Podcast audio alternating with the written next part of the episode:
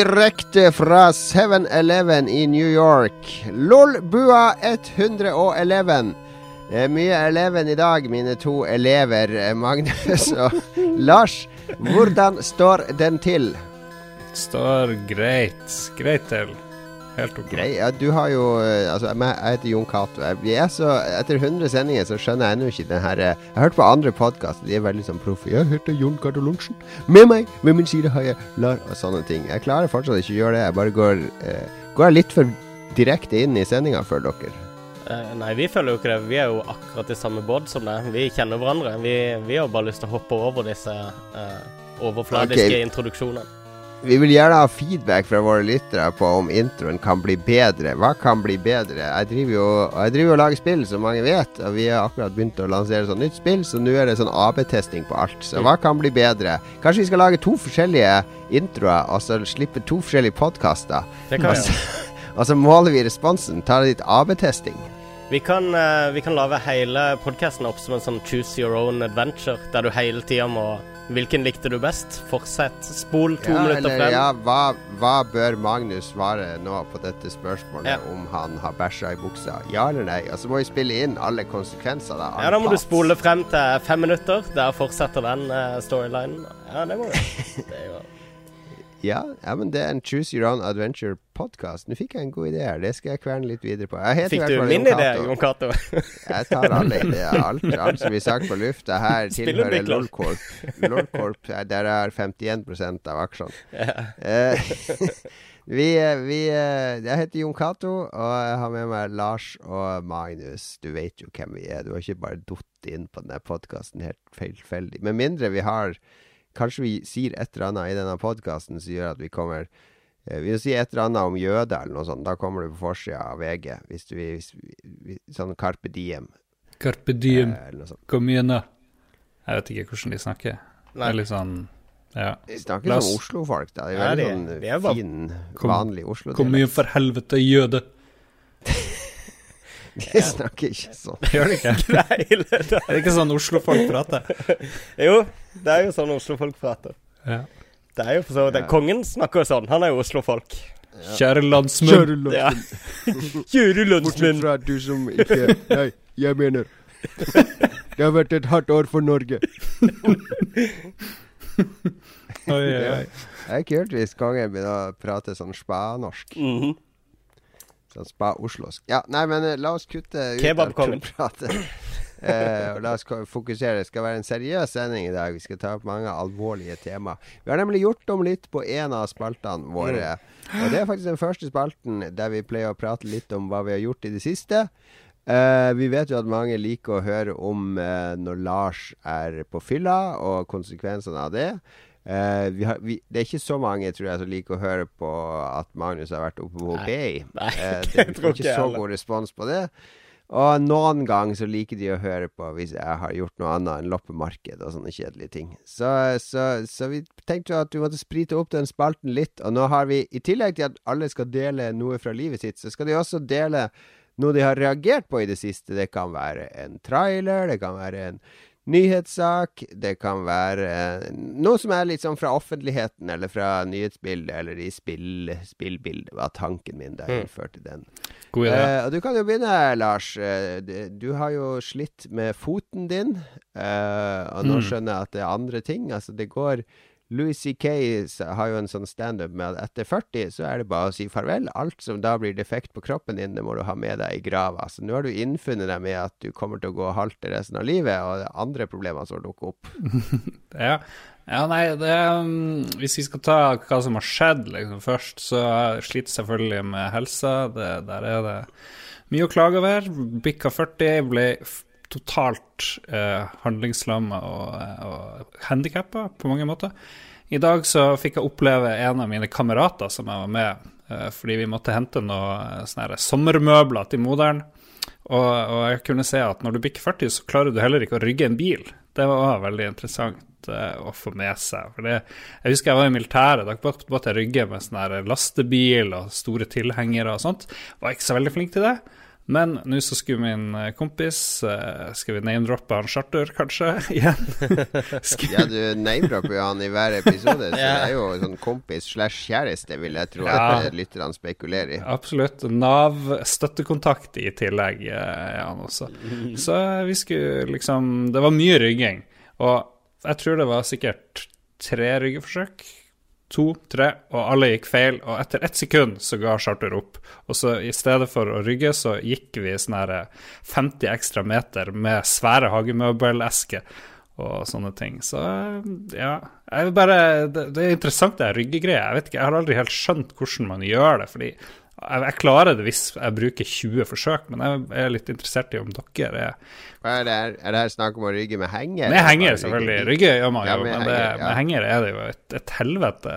Det er så ulogisk. Ja, altså, I utgangspunktet, ja, det er jo jeg, jeg, klarer ganske greit å manøvrere med henger, men jeg har vært på på loppekjøring eh, med henger jeg har sittet på andre som har vært sånn superproff, og som bare har vridd den hengeren inn bakover inn sånne smale oppkjørsler og rundt svinger og sånn, og da har jeg blitt imponert. For det er sånn der jeg, da må jeg gnukke litt fram og tilbake. Jeg skjønner ikke det der. Det er, det er noe triks.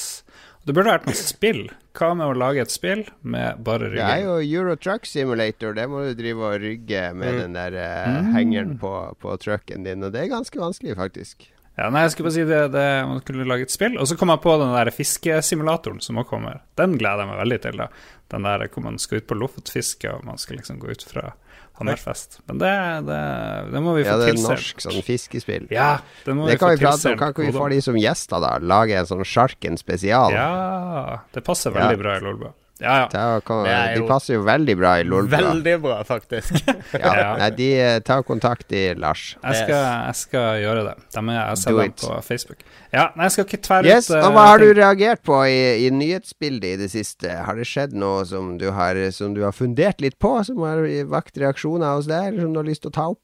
Ja, jeg, min sterke mening denne uka går på uh, Hvis jeg, jeg, kan omdøpe det for meg sjøl til Sterke meningsspalten. Lars sterke meninger, kolon.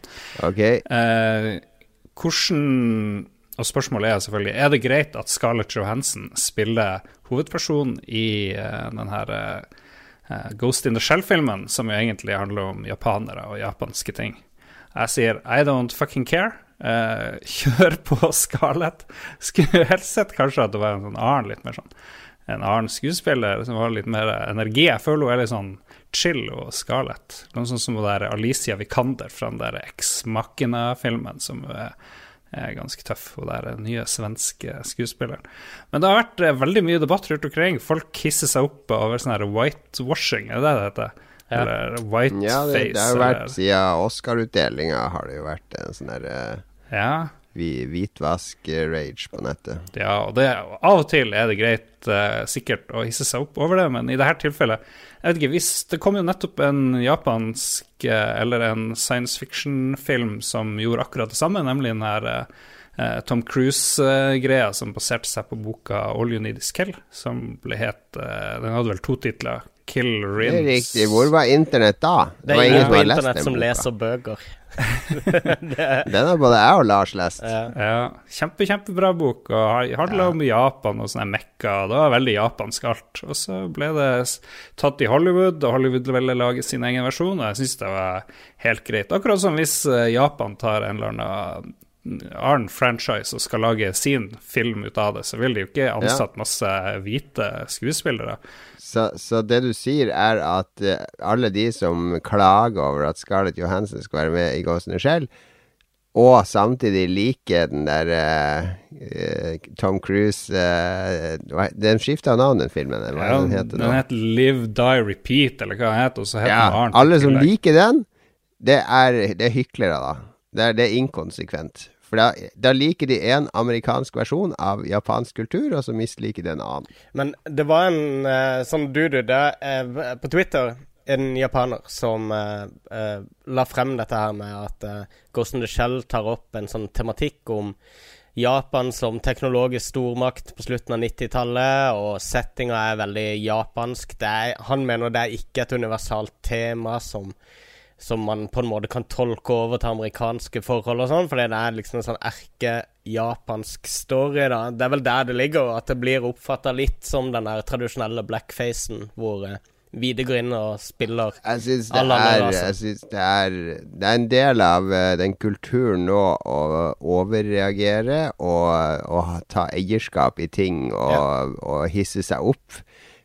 Spesielt for ting som ikke er ferdige ennå. Altså, det her er jo bare et steinkast fra Gamergate som kan hisse seg opp over noen bilder fra et spill eller whatever Ja. som skjer, som de syns strider imot, eller de føler er en trussel mot deres identitet. da så det her er Det er snakk om Altså, jeg tenker tilbake på sånn eh, den derre uh, Seven Samurai, som Hollywood kjøpte rettigheter til å lage ny versjon av, og så lagde Sam Peckinpah en helt fantastisk voldelig kul western som heter Magnificent Seven. Der de gjorde alt om. De beholdt essensen og gjorde det om til amerikanske forhold. Og Ja. Seven Samurai har jo dype, dype røtter i japansk kultur, det nå. Det, det er masse referanser til japansk historie og alt mulig. Uh, Føydalsamfunnet og, og samuraikasten og hele pakka. De gjorde det om til amerikansk, og de tok sin egen vri på det. Så jeg, ser, jeg skjønner ikke hvorfor folk skal dømme en film før de har sett den. Gi den noen sjanse. Altså, jeg vet jo at det er en crappy regissør, og det er eh, middelmådige manusforfattere involvert, så jeg har ikke så mye håp. Men det altså gå ut langt på forhånd og bare stemple ting som Nei, det her blir dårlig fordi de ikke gjør sånn som eh, de burde gjøre. Eh, det, jeg jeg syns det er en sånn berettigelse som, som er litt smakløs, rett og slett. Men uh, nå, uh, nå kjenner jo vi alle eh, folk som er kompetente med datamaskiner, og som har et ganske glorifisert forhold til japansk kultur. Og forrige gang jeg opplevde en sånn internett-rage rundt sånn der eh, hvitvasking, da, som de kaller det, var jo eh, den Det er vel en vestlig manga som heter Avatar. Uh, det, eh, Airbender, er det det den heter? Last Airbender. Ja, jeg vet ikke om den er vestlig eller ikke, så, Nei, så det er du som er vår mangaekspert. der, der gikk det inn når de skulle filmatisere den, han er M. Night Shyamalan. Så brukte de hvite skuespillere, og da var det òg en liten outrage på det. Men det virker jo liksom som at Altså, når det er japansk, så, eh, så er det en ganske, et ganske sånn unified internett som slår ring rundt akkurat den kulturen. For de har lyst på den derre uh, Ja. Eh, de vil eh, så nærme kimonoen som absolutt mulig når de ser sånn underholdning.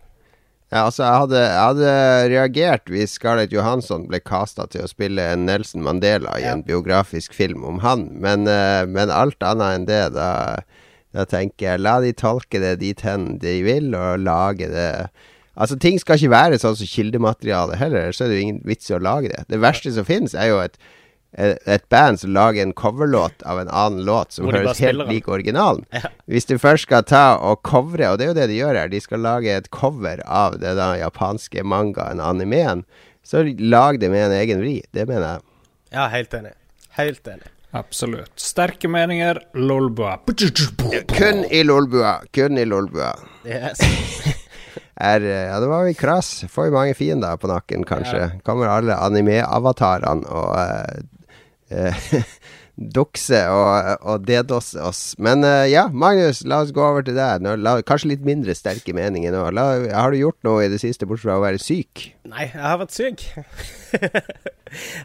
Men jeg har vært syk på, for første gang på to år. Eh, og vi jobber ganske intenst med den der bacheloren for tida. Så det å bli syk er en sånn her Det er en ganske sånn kritisk ting som skjer, da. For det Altså, du er nødt til å ta den avveininga mellom hvor mye av ditt eget velvære du skal ofre uh, for å få ferdig den oppgaven, versus å å tenke langsiktig, og hvor mye mer klarer du å få gjort hvis du gir deg sjøl én eller to dager med hvile og sånne ting. Så det, resultatet har jo vært uh, to dager hvile med dødsdårlig samvittighet, hvor jeg har kanskje ligge og sove på sofaen sikkert en 30 ganger, og hver gang jeg har sovna, så har jeg drømt om den der oppgaven og drevet sånn stressdrømt meg gjennom to dager med uh, recovery akkurat nå. En Jeg deilig tid, eksamenstida. Ja, det er herlig. Nei, eksamenstida den begynner nå om et par uker til. Så det, dette her er bachelortida før eksamenstida, faktisk. Så, men der er jeg, da. Så jeg er fremdeles ganske morken i formen. Jeg har liksom en sånn siste siste dag i dag, eh, hvor jeg har vært litt på skolen og klart å komme meg i gang. Var nødt til å dra hjem fordi jeg var svimmel og uvel. Nå sitter jeg og drikker te etter den store gullmedaljen og håper på å bli bedre. Eh, Ja. Så jeg har ikke så veldig mye spennende egentlig å fortelle om livet mitt, for det å være syk er Ja, det er jo litt digg, da. Det Jeg er sikker på at, uh, at kommentarfeltet på Twitch nå oversvømmes av sånn her 'god bedring' og flower-ikoner Og og, 'get well' og sånn. Ja, og hjerter. Fina. Eller, eller kanskje heller 'shut the fuck up'. Ja. Jeg håper på en fin kombinasjon av de to. Ja, en fin kombo. Ja. Yes. Har du engasjert deg i noe i det siste? Du er engasjert er engasjert. Jeg, jeg merker jo jeg, jeg blir jo mer og mer blasert for hver dag som går. Men um, uh, det kommer jo nettopp uh, ganske sånn vanntette rykter for en gangs skyld om denne her PlayStation 4,5, som det har vært så mye snakk om opp igjennom. Eh, Ja. det ble jo danna en del sånn forskjellige eh, forespeilinger om eh, hva, hva 4,5 ville innebære. Og jeg, jeg føler jo at Sony har valgt eh, kanskje det dårligste det, Eller det, det verste mulige utfallet, da. Som betyr en, en, sånn, en litt bedre konsoll to og et halvt år ut i, uh, i konsolltida. Det syns jeg er helt på trynet ting å gjøre. Eh, og jeg håper i hvert fall at de kommer til å legge inn noen muligheter for å um, uh, utbygge den videre, da. Uh, hvis de har planer om å, å tilføre krefter i konsollen i løpet av utviklings... eller i løpet av den levetida, da. Um, jeg syns det, det er litt råddent for det, Jeg leste en del gamle intervjuer nå med Sony-topper eh, som uttalte seg om forventa levetid på PlayStation 4, hvor de langt på vei prøvde å tegne et bilde av en levetid lengre enn PS2 på markedet, som eh, eh, Sonys hovedkonsoll. Eh, og to og et halvt år, og så oppgradere den der du er nødt til å kjøpe en helt ny konsoll for liksom å, å få den samme opplevelsen som andre PlayStation 4-eiere, det syns jeg er litt for grovt. Det burde være en oppgradering på en 1500 spenn eller noe. Så hadde det vært innafor, syns jeg. Ja, Det er vel ikke noe tvil om at det kommer noe greier nå. Nå slår jo Eurogamer det fast som fakta. De bare de sa at de venta på at noen andre skulle komme med informasjon, så skulle de bekrefte det. Og det var vel Giant Bomb eller noen andre som plutselig skrev det her i går. Og- Neo, hæ? Var det Ja, ikke det som var Neo. Ja, man går fra Morpheus til Neo, så det er tydelig noe sånn her Matrix-fokus. Det er litt corny. Ja. Men eh, vi diskuterte jo det her i flere timer, virka det som. Ja, på Facebook og tidligere i du Ja, og med Jostein og alt det der. Og oh, Åh, Jostein hissa seg opp. men, eh, men jeg ser ikke det store problemet. Jeg vet ikke, jeg tenker den 3DXL, nei, New 3DS-utgaven. Ja, Følte du det var et veldig populært eh, eh, tilskudd? Ja, men eh, det var, Nintendo har gjort det før med Gameboy Color. Mm. Eh, når de lanserte Gameboy Color, så var det DX. klar instruks til alle som lagde Gameboy-spill, at alle spill du lager, skal funke både på Color og Gameboy. Det skal Mm. ikke være noe spill til Gameboy Color. Det var to år før det kom rene Gameboy Color-spill. Og Det er jo samme vi ser nå, da, hvis ryktene stemmer, da, Mm.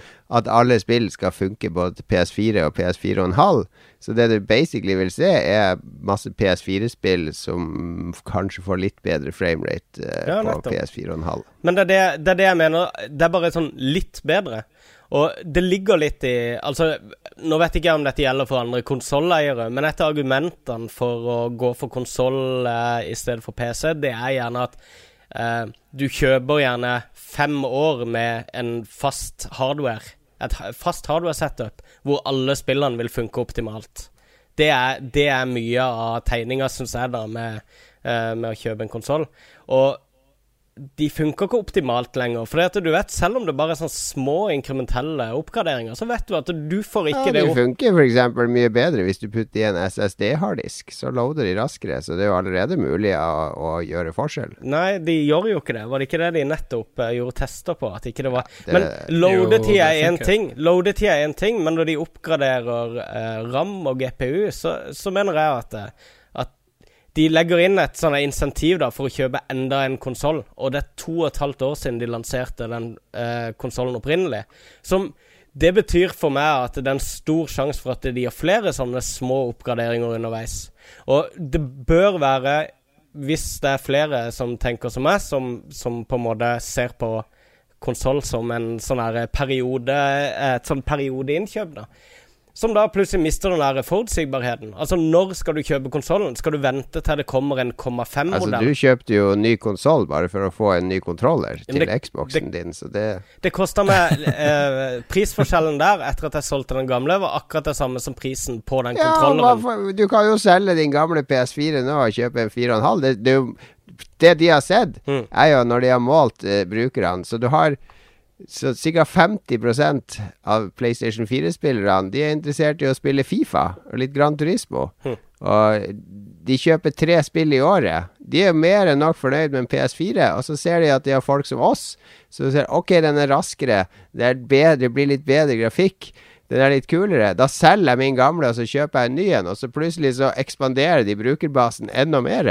Det er jo sånn businessmessig så funker det jo så bare det. Ja, businessmessig funker det, men du mister forutsigbarheten når neste konsoll skal lanseres. Så jeg tror, de vil, jeg tror de vil håve inn på det nå. Det har jeg ingen problemer med å tro. Men jeg har et problem med det for fremtida, hva, uh, hva, det betyr. Jeg kommer ikke til å kjøpe en konsoll på dag én uh, fra Sony i fremtida, hvis, hvis, jeg tror at Bortsett Hvis du må vente i tre år på å oppgradere den. Det ja, ok da, tre år, ja, det er en stund likevel. Det blir jo tre år i praksis, egentlig. Men, ja, men vil, du, det vil det samme løftet gjelde for Xbox, ever. hvis de også an, annonserer en Xbox 1.5? Mm. Ja, nei, jeg har jo samme problem med det overfor Microsoft, selvfølgelig. Det er jo ikke en Sony-ting. Uh, jeg tror at, uh, at uh, hvis de slipper en konsoll som er utbyggbar, sånn at de heller kan slippe At eh, de heller sier sånn her Ja, nå, nå, har vi lansert en ny GPU. Det vil koste deg 1500 kroner eller 1000 kroner da, å bare kjøpe GPU-en. Sette den i den konsollen du har nå. Så vil du få den oppgraderinga, og at de da slipper sånne hardware-oppgraderinger. Eh, ja, men det, du vil jo sikkert få en sånn hardware-oppgradering via GameStop. Uh, kom og lever inn din gamle PS4 og kjøp den nye for 1500-2000. Ja. Har du sett på de dealene du får der? Tror du du betaler 1500 kroner imellom for en gammel play, eh, PlayStation for en ny en? Nei, jeg vet ikke. Det er jo ikke jeg bare spekulerer. Men det er jo Som utvikler så liker jeg det ikke, fordi at da må vi drive For det første må vi ta hensyn Eller mm. vi må optimalisere for to forskjellige eh, endsystemer. Hvordan skal de anmelde uh, det, spill, da? Skal de anmelde bare den nye versjonen? Det er et problem allerede nå. Det er altså Gamer.no-anmeldelsen av Hyrule uh, Warriors, Warriors ja. er, jo, er jo spilt på en gammel DS. Det er optimalisert for new 3DS, så det er masse klaging på dårlig framerate og sånne ting som folk bare Hæ, det er jo ikke dårlig framerate når jeg spiller det, hva er det du snakker om? Så, så, det er allerede et konsollproblem. Det er ikke Sony som har oppfunnet det problemet. Det er jo ikke umulig å anmelde spill på PC, og der har jo du den største variasjonen. Mens anmelderne kanskje sitter på veldig kraftige PC-er, mens de fleste vanlige har sånn Ifølge de her dokumentene som er lekka, så er det jo sånn at det skal ikke være Frameraten på PS4 skal være bra. Du skal ikke slippe et spill som har bra framerate på den er 4,5 og middelmådig på 4-eren. Så jeg vet ikke. Som utvikler så er jeg ikke Vi har ikke det. Jeg, hvis det skjer der, det vet du ikke. Så vi kommer ikke til å gjøre noe som helst for å optimalisere Among the Sleep for PS4,5. Det er marginalt hva vi kan hente der. Det er 60 frames allerede, og det er hm. det, det, har ikke noe interesse for oss. Eh, men hvis du lager ja, For spill flest, som jeg spiller, sånn som Firewatch og alt sånt, har ingenting å si. Uh, men hvis du selvfølgelig er veldig glad i de grafikktunge spillene, mm. så kan du hente, være noe å hente der. Men, men, de små oppgraderingene de gjør nå, det er jo uansett ikke nok til liksom å fighte PC-markedet der på grafikk, da, som er liksom Det er jo ja, Jeg vil tro at det er fordi de skjønner at 10 000 hva blir det 10 millioner PlayStation 4-eiere mm. kommer til å ville ha den konsollen på dag én, ja. bare fordi den er kraftigere. Ja. Og da vil de 10 000 maskinene eh, dryppe over på småbrødre eller slektninger, eller de blir, blir solgt til en mm. familie. Så de vil generere 10, 000, 10 millioner nye kunder liksom på et par måneder. Tror du de regner med 10 millioner eh, sånn early adapters på den uh, oppgraderinga? Jeg vet ikke. Jeg, jeg, jeg det er ganske høye kommer, Vil ikke du, Lars? Jeg, jeg vil jo selvfølgelig ha den. Jeg tror det er mange, Ja. men jeg, jeg tror kanskje de prøver å reagere på den der nye Nintendoen, som jo ryktes å være kraftigere enn PS4. Det kan være en del av Det kan det òg være. Kanskje de har noe innsideinfo der. Men det er interessante tider. Det er eh, noe helt nytt innen uh, spillkonsollmarkedet, da. Eh, så det er eh, Det blir spennende å se hva som skjer på eh, Electronic Entertainment Exposition i juni. Jeg tror du kan si Expo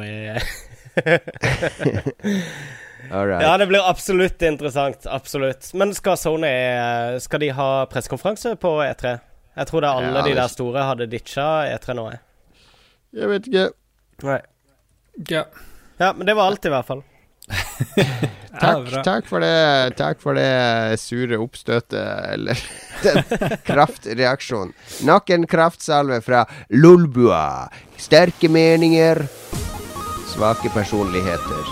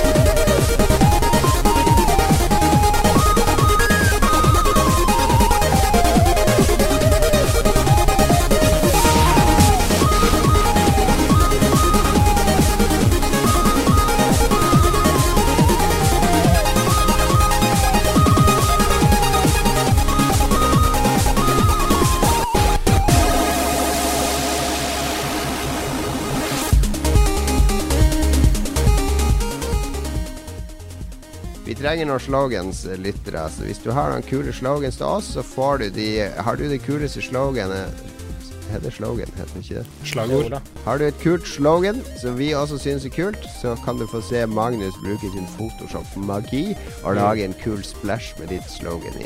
Send inn dine slogans til Lolbua, at Lolbua på Twitter, Lolbua på Facebook. Du finner oss. Det jeg har gjort i det siste, er at jeg har um, Vi har eh, satt i gang vår markedsføringskampanje for vårt nye spill Mosaikk. Mm. Uh, som vi, der vi gjorde en ny vri. For vi lager et spill nå som heter Mosaikk, som er et litt sånn um, Et spill om uh, der du har en litt sånn kjedelig dagjobb. Uh, du drar til jobb hver dag og sitter foran en datamaskin og løser oppgaver, og så drar du hjem og venter på en ny Det er ikke basert på ditt liv, Lars. det Jeg er mer på mitt liv. Eh, det, er, Det- er monotont. Det handler om eh, urban isolasjon. Eh, å være en del av et stort maskineri der du ikke helt skjønner hva du, hvorfor og hva som skjer. Eh, innslag av surrealisme og sånn. Så vi har lagd en teaser så vi viste litt fram på GDC. Og så har vi sendt den ut til en del media nå, da. Sammen med slips, som vi trykte opp fra et eh, firma i England. Flotte silkeslips. med Hvorfor er sånn ikke vi på slips akkurat nå, Jon Cato? Jeg sendte det jo til vår sjef Gøsta, da, så han Ah. kunne ha på seg på sommersjefen. Eh, ja, vi har sendt det rundt til diverse internasjonal og nasjonal presse. Mm. Eh, og i går og i dag så begynte det å tikke inn artikler, og, og vi har litt sånn ARG-kampanje, da, med at på nettsida så kan du gå til en sånn login-del som ser ut akkurat som login-delen i traileren, så kan du logge deg inn med sånn kode du fikk. Sammen med slipset da, så sendte vi et sånn herre letter of employment, som ønska de velkommen som ansatt i dette fiktive selskapet i spillet og sånn. Det er veldig morsomt å lage, lage sånne ting. Uh, så nå begynner responsen å komme inn. Det er veldig gøy å måle. Så gøy. Så det er morsomt å sitte på andre sida, ikke være mottaker av all den skiten, men å lage skiten. Det, det Ser du for deg spam som en uh, fremtidig karrieremulighet, Jon Cato, hvis dette her går i dass? Nei, men det her synes jeg var Det her er jo tematisk, stemmer det jo med spillet, ikke Ja. sant? Du, Det virker er- dødsgøy. Det, står, du, slips, det var jo slips og brev, da. Så står det i brevet sånn her at du er required to wear this at work, osv. Så, videre. så det var liksom arbeidsuniformen som kom. Så, eh, så vi prøver å lage litt sånn meta rundt det. Og det har blitt bra respons. Det er folk på Reddit som driver og spekulerer i eh, hva ting betyr i traileren. Og yes. Um, ja, det har vært morsom. En morsom tid nå i Krillbite. Veldig kul trailer, da. Jeg likte den kjempegodt. Ja, dødsfett. Og fet Mm. uh, nettside, ikke minst. Når du scroller Ja, takk. ned i bunnen, så uh, den måten uh, Måten bildet på en måte oppløses når du scroller ned. Ja, Kjempekult. Er det, ing, er det ingenting overlatt til tilfeldighetene? Det tror jeg på. Det bru- mye, brukes mye tid på detaljer. Det er detaljfokusert gjeng jeg jobber med. Så det er bra at de har en sånn vimsete kar som er på toppen, som bare kan eh, slurve i papirer. Og Hvis det ikke hadde vært for at de er vel sånn 18 år gamle, alle de som jobber der, så vil jeg tro at den der Ja. sekvensen hvor han ene fyren ligger i vannet der, så vi så det veldig Another World-aktig ut. Men eh, de har sikkert ikke spilt det. Muligens. ja, aldri si aldri. Så det har vært min uke. Masse å gjøre rundt det. eh, Masse gøy eh, rundt det. Men så på lørdag, da jeg skulle slappe litt av, så, så henta jeg inn uh, Aftenposten. Hadde kokt Ja. med egg og uh, toast. Og skulle nyte litt Aftenposten til frokost. Kaffe klar. Spiser du Aftenposten? Melk. Og så ser jeg på forsida hva er det her for noe, tenker jeg. Er det sånn der eh, 1. april-nummer? Det, sånn der, eh, det sto noe sånn på forsida, og var det eh, eh, et, et terningkast eh, kan bare være tilfeldig, og sånn. Ja. Altså bildene og sånn terninger. Så bare tenker jeg, vet, Er det noen nå som har Er det en sånn humorkronikk om at eh, det er feil å bruke terningkast når man anmelder ting, for det impliserer at det er tilfeldig karakter, tenkte jeg da. Og så bladde jeg opp det der greia i Kultur. Det var sånn dobbeltside med, med Hanne Kristin Rode, het hun. Hun var tidligere eh, jurist i politiet og har vært med masse på TV. Og nå er hun krimforfatter, eh, som hadde skrevet side opp og side ned om at du måtte avskaffe anmelderiet og kritikerstanden. Og, det- og, og det var de villeste sammenligninger med, med rettsvesenet, da, selvfølgelig. Ja, det var den jurist, og- endelige dommen. Da- ja, og det var, det var ingen tilsvarsrett for kunstneren. Og de mente at kunstneren måtte ha tilsvar i alle anmeldelser. Ja, I anmeldelsen så bør, Ja. så bør det være en kombinasjon av anmelder og kunstner. Det, det er noe av det sykeste, mest uh, uh, Minst jordnære jeg har lest. Altså Det er sånn null forståelse for hva kritikk går ut på, og at når du har publisert et verk, så er det i offentligheten.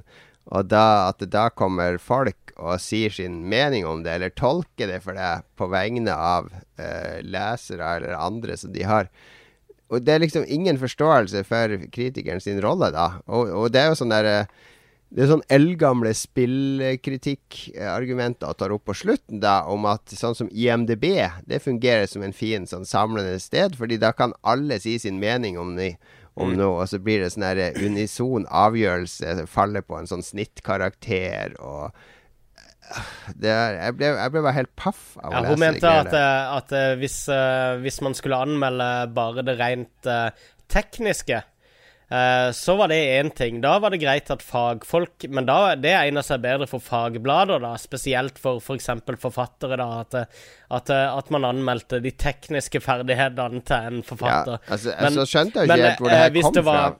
Hvis det var den kunstneriske opplevelsen, så var det en individuell opplevelse som ikke da kunne overlates til en, eh, en sånn Det dom. Det var helt merkelig. Det hang ikke på greip. Jeg skjønte ikke helt hvor det kom fra. Der. Hvorfor var hun så opptatt av det her? For jeg kjente henne bare fra det politivirket. Så googla jeg jo litt, da. Og så ser jeg jo Jeg kom jo med en sånn bok i desember, da.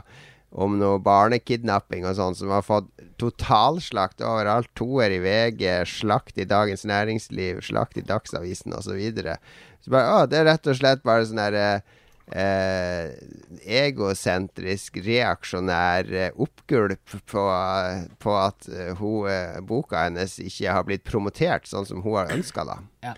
Så et av hennes konkrete forslag er at vi heller trenger at forfatterne sjøl kan anmelde bøkene sine, og så får du en sånn objektiv omtale av produktet som kan hjelpe deg til å velge om du skal kjøpe det. sånn. Eller reklame eh, og markedsføring, som det kalles på fagspråket. Men det jeg ikke fatter, er hvordan det Aftenposten har sluppet det her greiene igjennom. Altså, men jeg har jo skjønt det nå. Det her var det jeg snakka om før sending, som jeg ikke ville ta opp. At, at, uh, uh, Sånn som aviser nå, de, de, de, tror jo at reaksjoner, likes og delinger mm. og kommentarer, det er den eneste måten å måle suksess på. Ja. Så det å slippe til Det har jo vært Aftenposten har jo holdt på med det i et par år nå. Uh, få en eller annen ungdom til å skrive noe dumt på side, og så putter du det ut på Facebook, og så ser du sånne 50-60 år gamle menn som sitter der sånn herre Å, for en tulling! Få, få ja. folk til å reagere på noe dumt. Få de til å skrive noe dumt. Kom og skriv noe dumt for oss, sånn at folk reagerer på sosiale medier. Det er liksom det er liksom eh, agendaen til media. Og det, det Jeg nevnte litt for Lars før vi begynte, da, for han blir så veldig glad. Så, enorm respons på det her! Putta ut som bilde av en håndkontroller og sånn. Så det, ja, men det, skal vi bare drive og putte ut? Skal vi bare være Baywatch, liksom? Skal vi få, få folk til å se på oss og ikke ha noe Konten Skal vi ikke heller utfordre de? Eh, skal vi ikke heller gjøre de stum, så at de ikke har noen respons? Jeg skjønner hva du mener, men, men har jo ja. Men eh, i dette tilfellet så er det jo bare folk reagerer fordi de får lov å drive med litt nostalgi. Og det er jo ikke noe mer enn at det er en hyggelig ting å gjøre. Å få masse folk til å vise frem bilder av sine favoritthåndkontroller og sånt. Men jeg tar poenget ditt, Jon. Det, vi driver og jobber jeg er i noe som heter Hålogaland Journalistlag. og vi driver og planlegger seminar, og det er nettopp temaet forholdet mellom medier og sosiale medier. om det her bruken av Finn noen som sier et eller annet, eh, gjerne teit, på Facebook, og så hører du om Hvis de ikke er så store, så spør du om de kan trykke det videre, og hvis de er veldig kjent, så kan man jo egentlig sitere dem uten å, uten å spørre så mye. Og det, det blir jo bare mer og mer, eh, egentlig. Så det er et Men, godt poeng. Den debatten der har faktisk resonnert litt med publikum, og eh, det ble en veldig Det fikk veldig mye oppmerksomhet. Det ble veldig mye debatt andre steder pga. den greia hun skrev. Og, um, det, kom vel, det var jo først en anmelder som til de grader plukka fra hverandre hele ja, Tom, den Tom Egeland plukka fra hverandre. Ja, men det var også ei i Aftenposten som gjorde det. Ja. Ordentlig, ordentlig, skikkelig sånn Hun tar feil på åtte punkter, her er punktene, og ja, skikkelig fillerista. Og som, som, i og for seg er greit, men i dag så kom det en kronikk av eh, Anki Gerhardsen som hvor hun gikk inn med en litt mer sånn diplomatisk eh, tone, da, hvor hun sa at eh, hun tar fundamentalt feil i sin analyse der, men hun belyser en del ting som, som er relevant likevel for aviser og eh, de kulturredaksjonene de sine. Det er nemlig at, eh, at eh, folk kanskje har en oppfatning av inhabile anmeldere, og at folk kanskje har en oppfatning av at uh, terningene kastes tilfeldig, og at ikke, at ikke folk blir informert om hvilke eh, forkunnskaper og eventuell utdanning og, og Ja, men det tror jeg også Ja, det, det, det, så, det, så det sa hun at det tar de selvkritikk på, at, at, dette er kanskje noe de må eh, møte publikummet sitt mer med, at, ja. at de gjør det klarere, at, at det er ikke tilfeldig at jeg er her og uttaler meg om dette, hvis du skjønner hva jeg mener. Ja, jeg jeg syns jo det er rart at tidligere musikkanmeldere plutselig er blitt eksperter på film og ja. TV og sånne ting. Å, det, det, gjør det litt vanskelig å ta seriøst. Men det er en litt annen debatt. Men det, et annet aspekt i den debatten òg er den at uh, det var en sånn kinosjef som sa det, at hvis du vil lage en film som blir en publikumssuksess, så første bud, den skal ikke foregå i Oslo. Fordi ingen filmer som foregår i Oslo, blir sett av folk utenfor Oslo. Ja, riktig. Og der har du litt av Der har du også litt av det der med at folk ikke kjenner seg igjen i anmelderne. Fordi alle anmelderne sitter i Oslo. Mm. Alle anmelderne er opptatt av Øyafestivalen og, og det som er hipt og kult i Oslo. Når de da skriver i VG, som blir lest av flere hundre tusen utenfor Oslo eh, ti ganger flere, sikkert fem, seks, syv ganger flere utenfor Oslo enn i Oslo, så vil alle de utenfor Oslo kanskje ikke kjenne seg igjen i denne anbefalingen av det her eh, indie-skranglerock-bandet og, og, alt det tullet der. Så, jo, men det, det, dette foregår i lokalaviser også. I Feven vet jeg Altså, mine foreldre er veldig sånn kunst- og kulturinteresserte da, og drar på utrolig mye utstillinger i Kristiansand. Og de kjenner ja. seg absolutt ikke igjen i mesteparten av det som kommer av, av eh, kunstkritikk fra Feven, f.eks. Så, så ja, der går det òg en debatt. Det er ikke sånn at alle i lokalaviser bare trakter etter å skrive for riksavisene, Lars? Nei, nei, de fleste har det helt fint der de er, stort sett. Hva er, det, hva er den krasseste kritikken du har fått for noe Festspillen i Nord-Norge-anmeldelse? Um, min, min krasseste kritikk var jo ternekast 1 til en sånn her ungkunstgreie som var i badelandet, som var helt forferdelig. Der fikk jeg ingen uh, kritikk tilbake, så den må jo ha blitt veldig bra. Um, jeg ga ternekast 1 og 6 til samme film en gang, ut fra to forskjellige perspektiv. Syns det var litt morsomt. Det ble ikke så godt mottatt, faktisk. Det var, jeg syns jo det var et morsomt uh, grep. Men, Gjennomsnitt tre. ja. Uh, jeg holdt på å komme i slåsskamp med ei på jobben som var i korpset. Jeg ga sånn her en, et rimelig raber uh, terning til. Det ble sånn skriking og sånt på jobben. Det, yes. det var litt sånn ille. Jeg følte jo selvfølgelig at jeg hadde rett. da. Det var i min fulle rett å slakte litt, men ja, ja. Leser dere spillanmeldelser lenger? Nja Ja Jo, nei, kanskje litt. Ja. Ja, passe. Det, det har tilnærmet ingen effekt på meg lenger. Kanskje derfor det jeg har anmeldt ganske mye spill. Men uh, uh, å liksom kjenne til uh, hvor tilfeldig det kan være hvem det er som anmelder det. Men jeg har ekstremt lite tiltro til veldig stor del av anmelderskokken, i hvert fall rundt omkring. Ikke bare i Norge, men Ikke det at det er så lite tiltro, det, det er bare det at jeg syns Hvis jeg skal gidde å lese en anmeldelse, så må den skrive noe originalt. Ikke ja. bare ramse opp spillet sine elementer og komme med en eller annen konklusjon. Da vil jeg gjerne ha noe mer dypløyende enn det. Ja. Men, men, la oss spille litt musikk. Vi er vel enige om at anmelderiet ikke bør avskaffes innenfor kulturnæringen?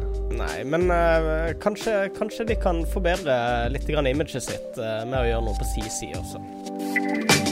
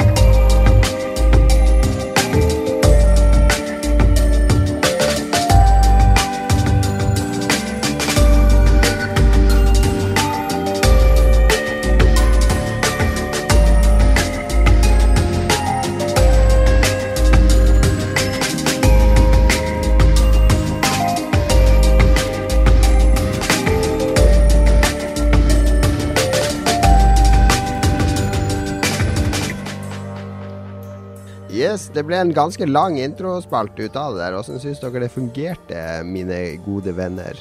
Eh, kult, det. Vi kan sikkert legge inn uh, musikkpauser midt i også. Vi trenger kanskje ikke kjøre de Det er ikke vi, det er Lars.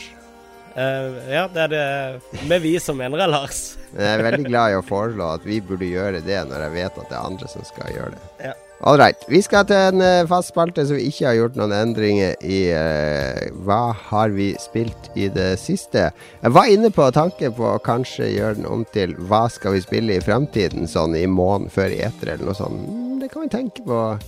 Kan vi tenke på når hypemaskinene begynner å, å, å, pipe og ule og, og nøkke oss i, i armen for å få oppmerksomhet. Hva har vi spilt i det siste, karer? Siden jeg slutta sist, kanskje jeg skal begynne her nå? Eh, så jeg blir ferdig å skravle, ferdig å høre min kvekkete froskestemme. Jeg har spilt eh, Jeg har egentlig spilt, spilt selvfølgelig Destiny etter patchen kom. Eh, storkoste meg som vanlig, gjør alltid Destiny. Kom, prøvde Trials of Osiris i Destiny for første gang. Det er sånn tre versus tre crucible-greier, som der man kan revive hverandre og det er ganske hardcore, fordi de som spiller det, har spilt det så sinnssykt mye. Jeg hadde ikke, det var første gang jeg spilte det. Så, men vi kom Vi klarte fem-seks wins av åtte-ni mulige, tror jeg det. Så jeg er veldig fornøyd. Fikk masse god lut og rewards. Eh, veldig skjelven etterpå. Men det jeg har spilt, det jeg kjøpte her denne uka og begynte å spille Uh, og bare komme, jeg bare klart sånn syv-åtte brett. Det er Stevens Sausage Roll, det store nye snakkisen på Twitter. Har dere hørt om det? Høres ut som et enormt sånn hipsterspill. det er uh, Jonathan Blow kåra det uh, Goti på E3 i fjor. Uh, han har kåra det til Goti i år igjen. Det er Jonathan Blow sitt absolutte favoritte puslespill. Uh, og da vet vi at det er noen vanskelige greier. Det er, det er et spill um, Fila på Steam er sånn 48 megabyte stor. Når du kjøper det og laster det ned. Det koster 30 dollar. og beskrivelsen av spillet er a simple puzzle game og ingenting mer. Uh, um, veldig minimalistisk beskrivelse. Altså, ser det ut som et litt sånn uh, rejecta PlayStation 1-spill.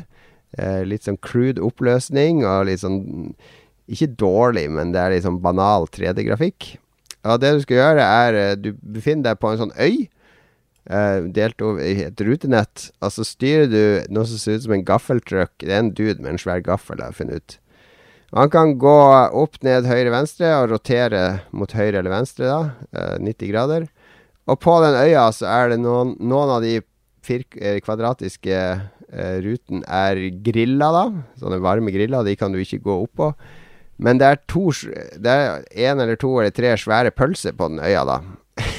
og de pølsene dekker to ruter og har to flate, da. Og du skal rulle de over de grillene, sånn at de blir grilla på begge sidene. De blir gjennomgrilla. Men de må ikke bli svidd, da, så du må ikke rulle samme pølseside opp på grillen to ganger. Uh, that's it. Det er spillet. Det er 30 bucks. Ok. Kun til PC, sikkert, tipper jeg. Ti av ti på Destructoid. Uh, jeg har fått masse rave reviews, fordi jeg, jeg, begynner å skjønne det nå. da Fordi når du begynner å spille det, så er det sånn Ok, det, det var det. Altså, det er litt sånn Sobokan, er ikke det de spillene heter, der du skal dytte sånne blokker rundt. Uh, men så, så, blir det fort veldig, veldig vanskelig, da. Men så er det sånn at Ok, jeg kan gjøre det. Det er ikke at du kan gjøre noe spesielt, men du, hvis jeg roterer gaffeltrucken, så dytter jeg den. Hvis jeg, du kan rygge Veldig sånne ting som du finner ut av at hvis jeg gjør det, så kan jeg gjøre det. Ok, da, da åpner det seg en løsning her, og så klarer du å løse det. Og så når du kommer til neste brett, da, så bygger det litt videre på det du lærte på forrige brett. da, sånn at du, Det er sånn at du levele opp deg sjøl, på en måte. At du blir flinkere til å løse de puslene. Og de puslene er så rene, altså de brettene er så nøye konstruert at det er én løsning på de. Og det kan Jeg holdt på med ett brett i, i, en time uten å klare å løse det. Og det, det er sånn brett jeg går og tenker på nå, da. Der løsninga begynner å forme seg opp i hodet mitt. Jeg begynner å få ideer til hva jeg kan gjøre for å løse den, og så skal jeg opp og sette meg på Steam i morgen og antagelig bare ploge gjennom det puzzlen. Så det er, um, det, er, det er, en distillert, reindyrka pølsepuzzlespill. Pølsespill. Uh, best, beste i pølsepuzzle-sjangeren, definitivt. Uh, og så liker jeg at han tar 30 bucks for det, fordi det har Folk er jo harnisk. Uh, her kommer jo alle avatar, anime-avatarene på Steam ut av treverket og bare What the hell? This looks like a one dollar game. Or are you crazy? så lagde han sånn eh, På forumet til spillet på Steam, så lagde han sånn subforum, da. Pricing, som det heter da. Og da kom alle gamergaterne. Censorship! Han vil ikke ha alle disse postene på forsiden av forumet, ja! og så tok han i toppen på det pricing-forumet, det er masse tråder der nå, så lagde han en sånn sticky med Eh, great Free Puzzle Games, der han sjøl har lista opp Her har vi ti av mine favoritt-puslespill, alle er gratis. Ja. Enjoy og sånn. For, for dere som ikke gidder å kjøpe spillet mitt. Så det var den beste innstillinga. Nå har han laga en ny subforum i stedet. Det er det beste forumet på, på Steam der, som heter uh, Tell the developer how to make his game. Der han putter alle tråder. sånn You should have done this. Uh, why, did, why haven't you made a better trailer for it? You would get better reach. det er bare så, det er sånn liten, fin finger til, til alle de her entitled gamerne som skal inn og stompe. Og selvfølgelig det er masse folk som er livredd for at han tar 30 dollar for det. Fordi hva er det for slags presedens? Altså, du bruker tre år på å lage et puslespill. Uh, mm. Det ser ikke ut som et trippel A-spill, og så har du You have the nerve to charge 30 dollars for this! Ja, selvfølgelig. Det er mitt spill. Det er som om du står i kunstgalleriet og sier det kunne jeg malt på en halvtime. Ja. Ja, men du har ikke gjort det, så betal 50 000 dollar hvis du vil ha det. Ja. Jeg så de eh, Banner-saga-folka. Jeg leste meg litt opp på det siden toeren akkurat er lansert. Nå, og jeg leste litt om eneren, da. Og eh, de hadde samme problemet da de lanserte iPad-versjonen, som er ypperlig. Uh, Da sa de at uh, de ble sjokkert over betalingsvilja uh, på mobilpublikummet spesielt. da Og de sa at Steam-folka er ingenting i forhold til iPad-folka. For der var det å det å ta seg betalt over 100 kroner, bare å ta seg betalt mer enn 5 dollar, sa de, var problematisk på, på iTunes. Ja, det er noe ja, rart det der. Jeg, jeg merker det jo sjøl. Jeg, ja. jeg, styrer jo ikke så mye med Steam men av og til, men når jeg sitter på PlayStation og skal kjøpe et eller annet på storen der, ja. så betaler jeg gjerne en hundrings eller et eller annet for et eller annet ja. som ser litt kult ut. Mens på iPhone så er det jo skjer jo to ganger i året at jeg betaler noe over 100 kroner, liksom. Ja, ja, men Det er jeg enig i. Altså, Spillevanene mine på iPhone er ofte at de fleste spill jeg kjøper lastet ned der, tester jeg kanskje to eller tre ganger. Ja, det er sånn Hvis jeg kjøper noe på Steam eller PlayStation, så vet jeg at det er noe jeg skal kommer til å spille. Ja.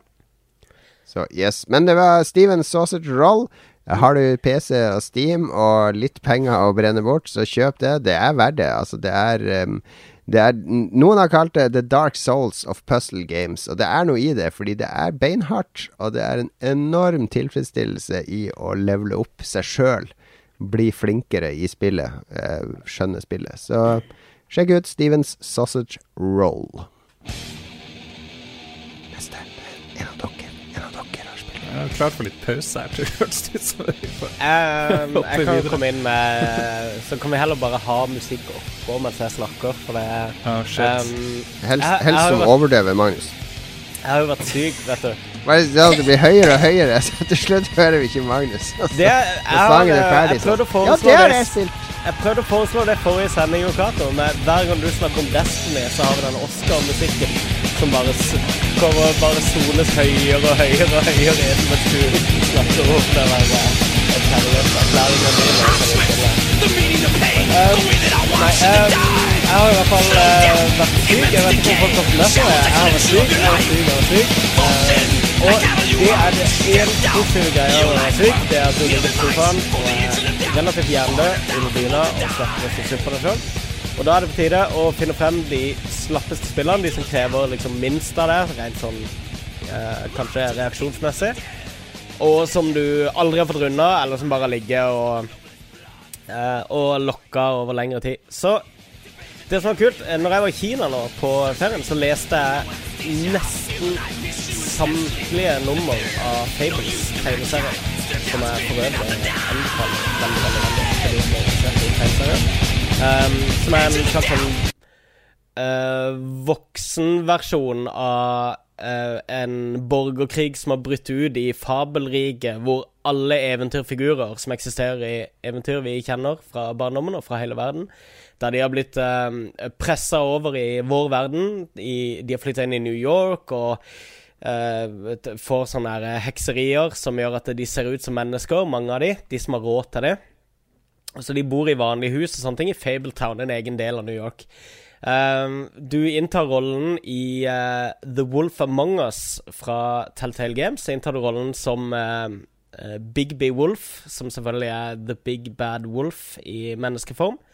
Som blir satt inn i et sånn skikkelig film noir. et ordentlig, ordentlig skittent, brutalt film noir-mysterium. hvor prostituerte blir drept over en lav kam, og, og du leter etter morderen, da. Det er et spill jeg opprinnelig hadde runda for, uh, for kjempelenge siden på Xbox 360, men som var gratis på Xbox One her forleden, så jeg lasta den ned. Jeg tror det har vært gratis på PlayStation 4 òg, som sånn PlayStation Plus-spill. Ja. Um, ting var, Etter å ha lest, uh, lest meg gjennom hele dette tegneserieuniverset på forhånd, da så, så, ga det veldig mye mer sånn forståelse i uh, Du ser hvor mye sånn små uh, For det, storyen i The Wolf of Mongers er satt inn før handlinga i tegneserien. Så, så du får liksom Du vet hva det er som skal skje et lite stykke lenger ned i handlinga.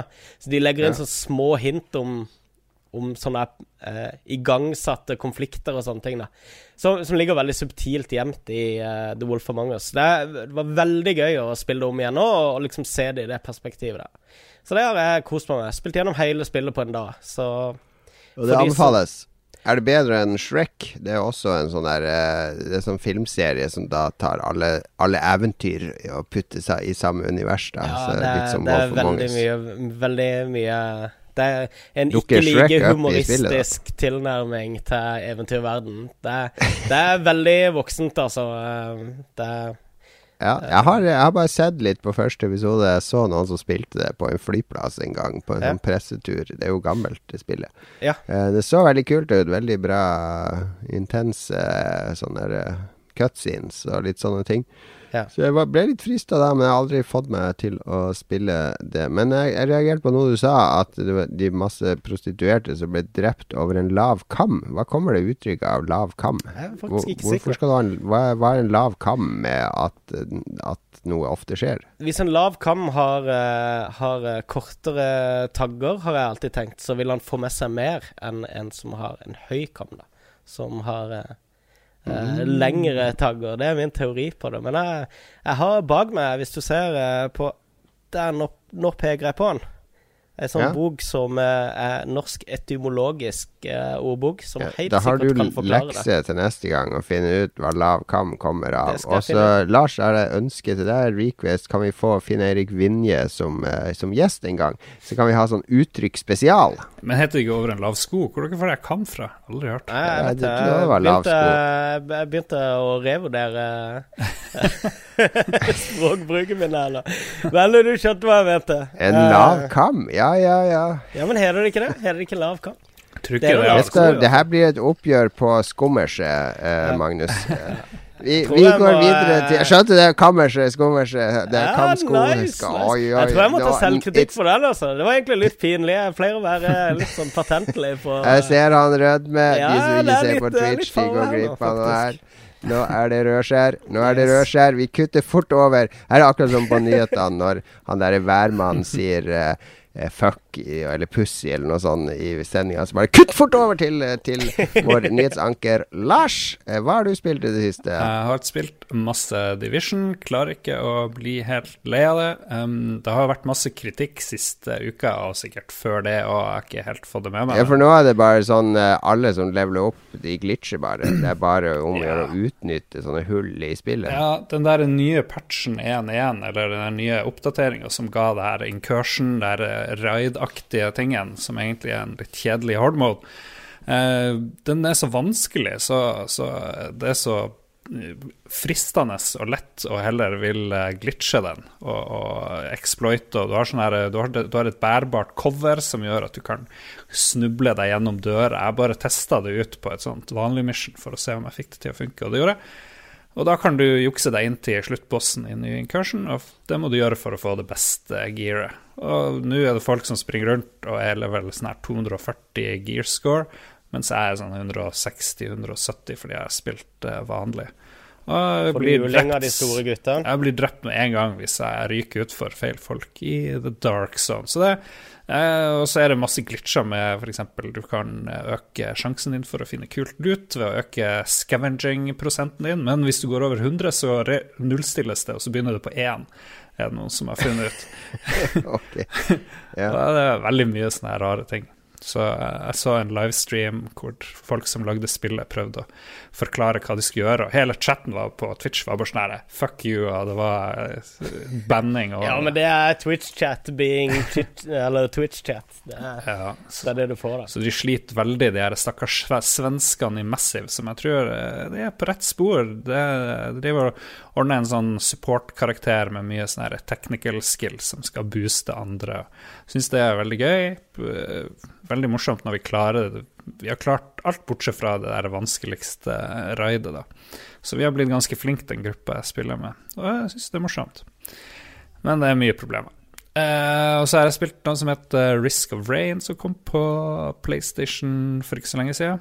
Um, Det er jo eldgamle spill, det her. Ja, det er jo sånne PC-spill. Har jeg hatt på Steam i 100 Det er sånne PC-spill som begynner å dryppe inn, og det syns jeg er veldig bra at uh, PlayStation-folket, i hvert fall, og kanskje eh, Xbox, jeg er litt usikker, Ja. får prøve de spillene. Det er noen fireplayer coop, uh, 8-bit, eh, old school, skyte og herje. Det er masse monster i et romskip som krasjer på jorda. Jeg har ikke spilt så veldig mye, jeg har ikke fått prøvd eh, multiplayer, uh, firespiller, dessverre, så jeg skal ikke si så mye om det.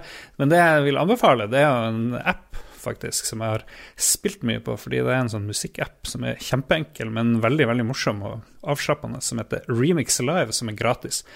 På IOS er vel det eneste stedet det har kommet. Og da har du 24 sånne sample-benker du kan fylle med hva du vil av ulike ting, og så timer den sånn at alt passer inn sjøl, og så kan du ta det opp, og du kan mikse, og du kan mute her og der, og du kan liksom holde inne for å spille mer, og holde inn mindre for å spille mindre. Og du har sånne her ulike kategorier som hiphop og eh, drum and bass og techno og jeg vet faen. Veldig mye. Så kan du velge å mikse og matche hvis du vil, de her eh, tingene. Så kan du sample inn egne ting. Og det er utrolig gøy. Veldig avslappende. Kjempemorsomt å bare sitte og surre med når du kommer hjem fra jobb eller vil ta en pause. Noen som har tid til det òg, tydeligvis. Ja, men det er veldig, veldig bra. Det er jo gratis. Kan, kan ikke bli bedre enn det, altså. Remix live. Remix live. OK. Det var det av det vi har spilt i det siste. Er det noe vi har planlagt å spille til neste sending? Skal vi begynne å tease litt sånne ting? Starfox kommer vel ut nå. Det er vel ingen av oss som er så gira på det. Jeg kikka litt på en sånn ti minutters gameplay-video fra det. Som jeg påpekte, så det ser ut som et minigame i et GameCube-spill, basically, det jeg har sett av det. Jeg, det, er, det, det ser nesten ikke oppgradert ut fra Nintendo 64-versjonen. Eh, Jeg forstår ikke den der eh, evige Ja, entusiasmen. men, nå vil jeg bare vite om du skal tease noe du har tenkt å unnskyld, spille. Jon Cato, jeg uttalte meg ikke begynne å anmelde det som vi skal spille neste, Nei, det var gang. ikke meninga å diskutere et uh, tema som ikke sto på, på planen du ikke har skrevet. Eh, Beklager så mye, Mein Lorentzen. Mein, mein herr. Yes. Mine damer og herrer. Nei, jeg, jeg, jeg skal spille mer Destiny i hvert fall. Ellers så hvis det dukker opp noe kult Steven Sausage Roll skal jeg selvfølgelig spille videre. Um, Har du gitt opp Dark Souls, nytt, eh, vet tre? jeg ikke. Mm? Gitt opp Dark Souls eh, 3. Nei, det ligger og lurer, men det er når jeg får lov å bruke PC-en, og den driver sønnen min med, så det, det er liksom luksus når jeg får spilt det. Eh, det spilte jeg om dagen, forresten. Jeg krasja det. Det var PC. PC suger. Yes, uh, vi skal ha en spalte til der vi skal kåre verdens beste gledesspake. Nei, det er ikke Lars sin eh, penis. Det er snakk om uh, styrespaker til dataspill. Old school joysticks. Hva er dealen med musikken som får foregår i app. Nå skal Lars drive og promotere denne appen som kompisen hans har laga. Her har du Her er Gamergate opp og ned i mente. Det er ikke noen kompis som har laget det. det er, jeg vet ikke hvem som har laget det. Jeg har ikke peiling.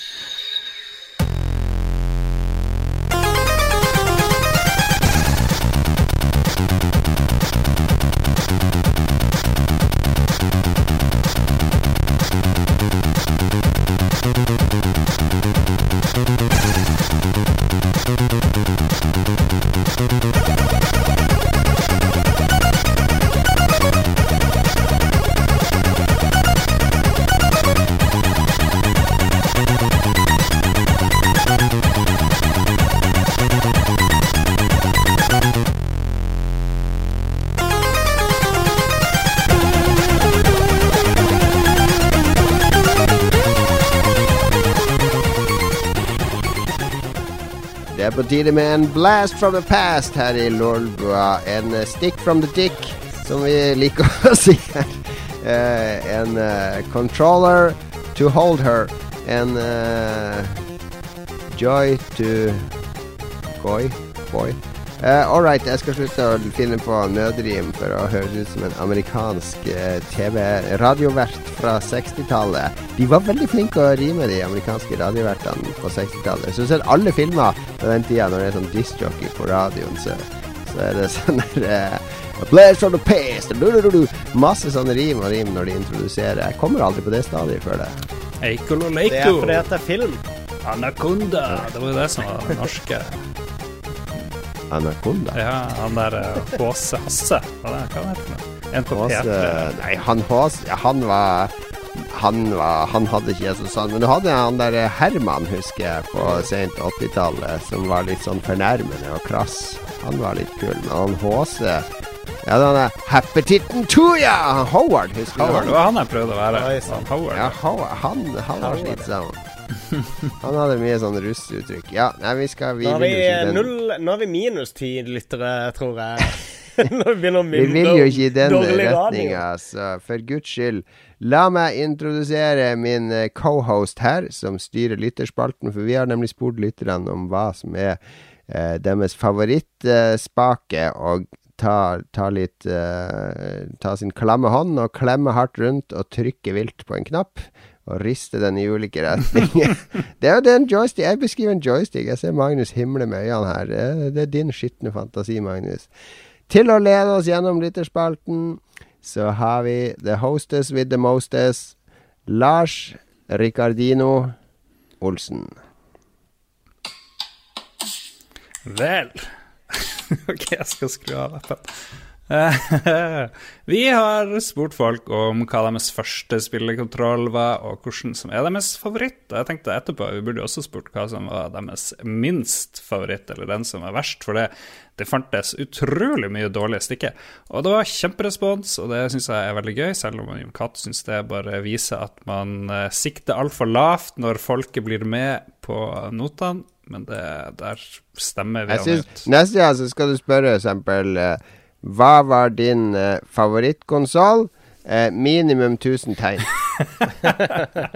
Minimum, tusen tegn. Uff da.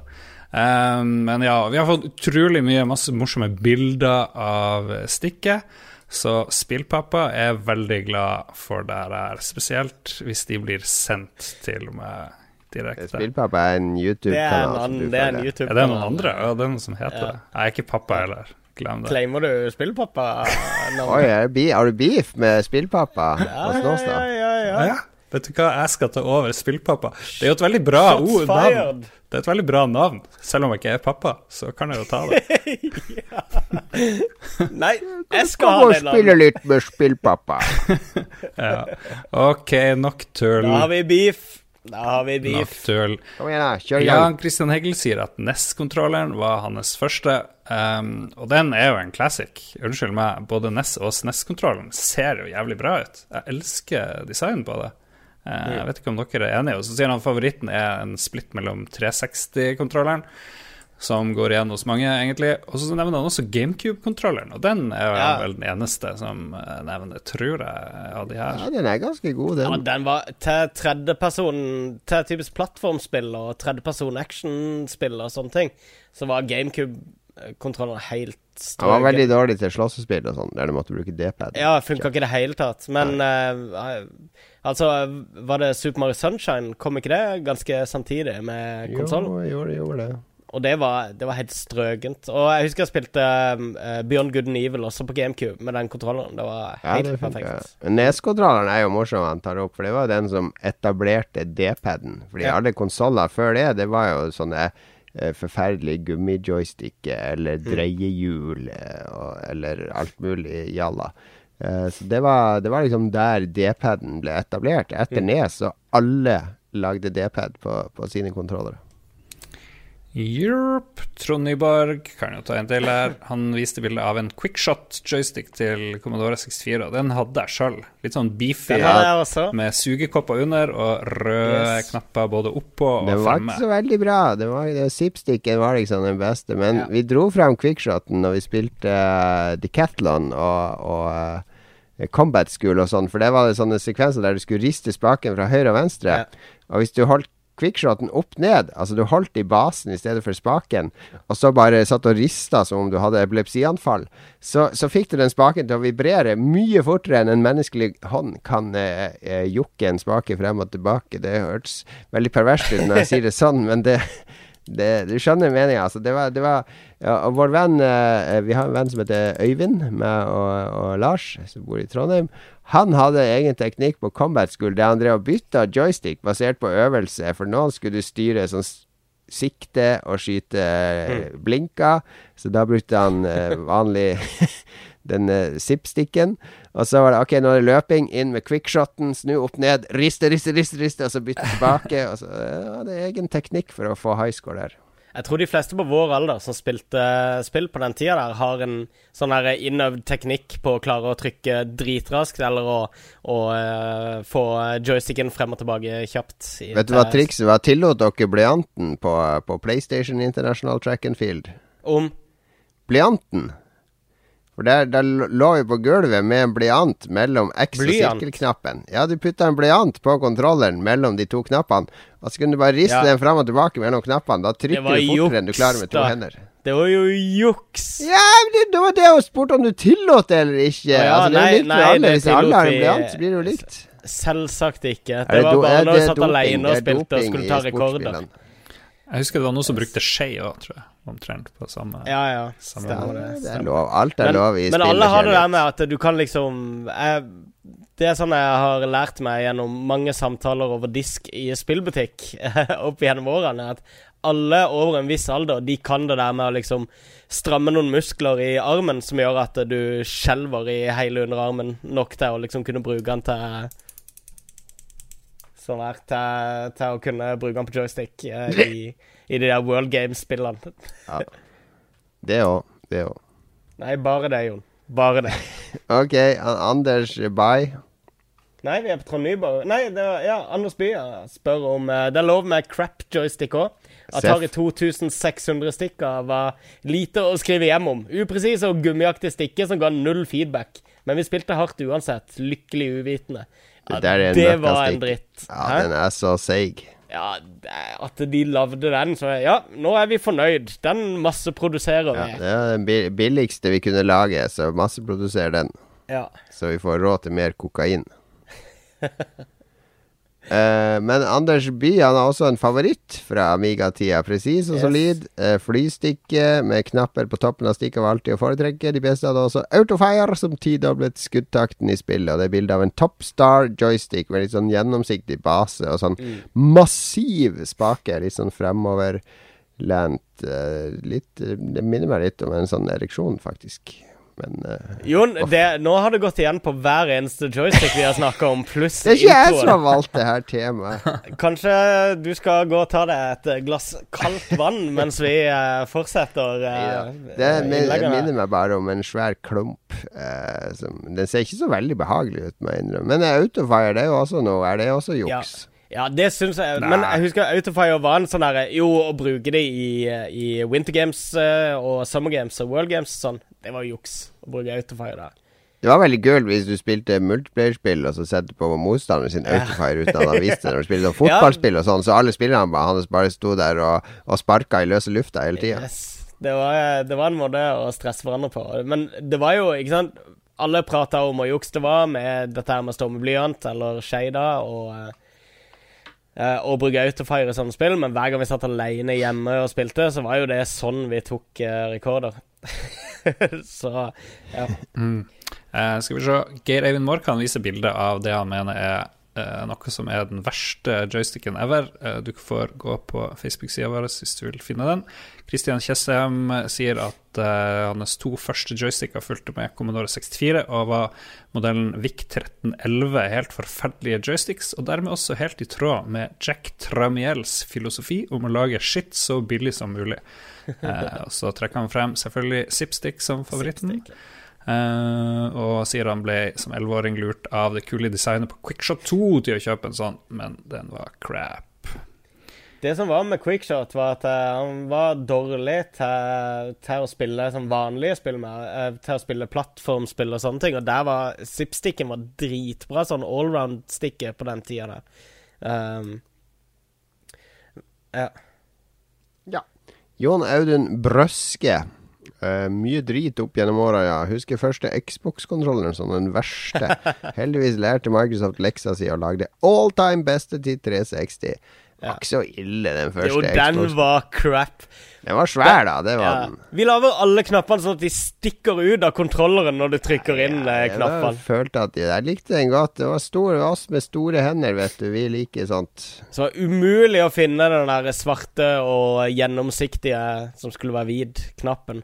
For de var sånn bitte små og stakk nesten ikke ut fra kontrolleren.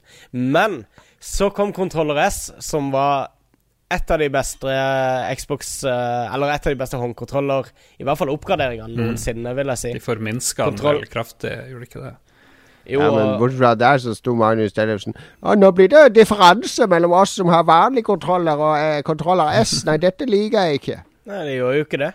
Det er jo ikke noe forskjellig. okay. Overhodet ikke. Ok, gå går videre da, Lars. Må kutte igjennom. Det er Ja. din spalte her, så det er, du som, det er min jobb å sabotere, sånn som dere hele tida saboterer for meg. Ja, Ja. Så dette er min anledning til å sabotere. Ok, Du kan ta han Kristoffer Kristoffer uh... Kristoffer Get a Boys Hansen Leistad. Første var stikka fra Nes, men favoritten må være 360-kontrolleren. Altfor mange gode minner med den. Apropos Apri, apropos, apropos, hva er deres favorittspill fra 360-en? Det, er- det er litt avsporing. Det håper hopper vi over. Vi tar det Ja, senere. det hopper vi vi over. Det Sorry. Um, Det ble litt ja. for uh, ekstremt. Men 360-kontrolleren var kjempebra. Ja, det var Ja, god. Godkjent.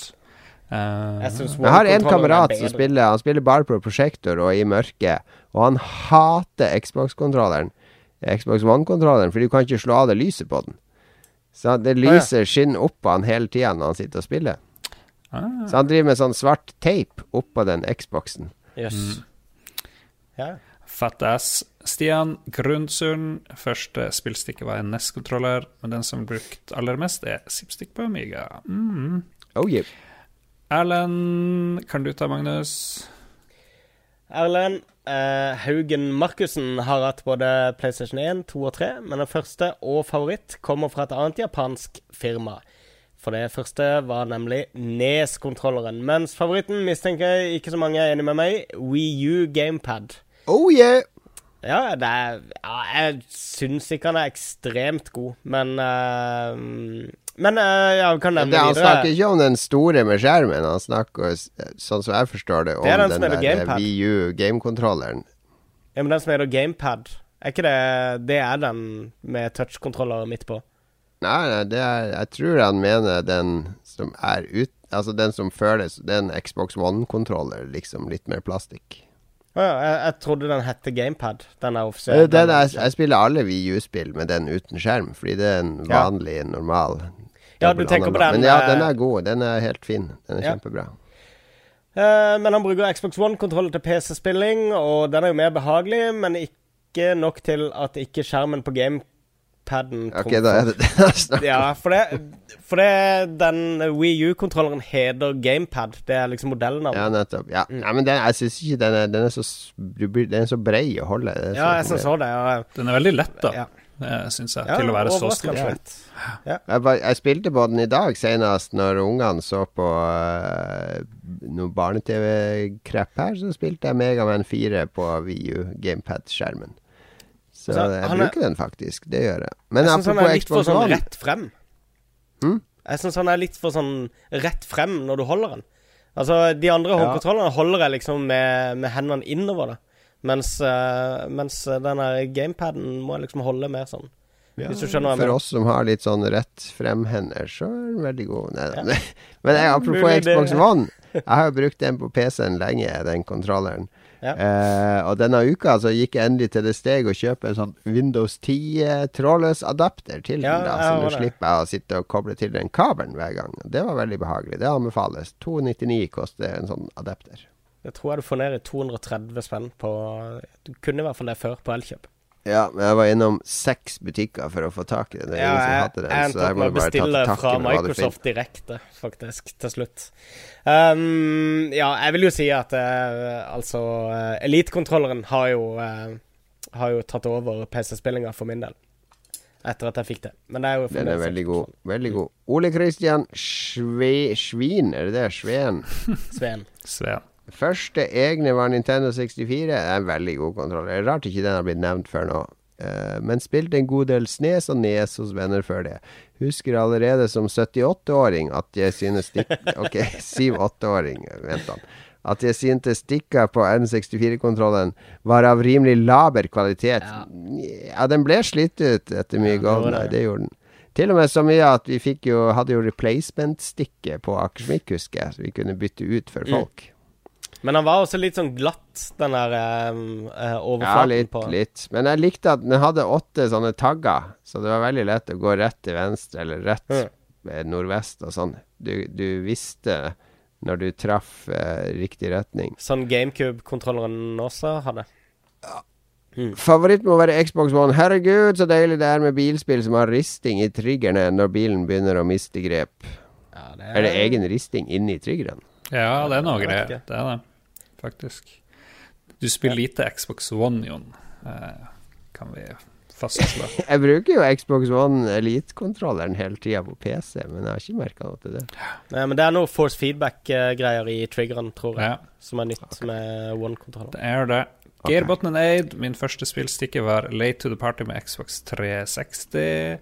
Og den var veldig bra, den der 360-kontrolleren. Men det som revolusjonerte håndkontrollerne for meg, det var jo de her analogstikkene på var det PS2. Var det der de kom? PlayStation 1 Det eh, var på PlayStation 1, ja, akkurat. Ja, den DualShock Ja, ja. som var bøndla med Ape Escape. Uh, det var helt fantastisk, egentlig, å springe rundt der og kunne mykt kontrollere det du skulle gjøre. Kunne gå litt frem, Ja. og så veldig mye frem. Og ja, det var en liten revolusjon, må jeg si, for min egen del.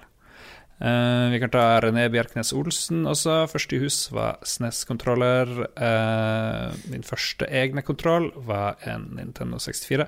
All time favorite, PS2. Apropos den, uh, min favoritt. Primetime-kontroll hadde den fra jeg var 7 til 13 år, faktisk. Jeg hadde rundt 50 spill. Mye den gangen, sier René.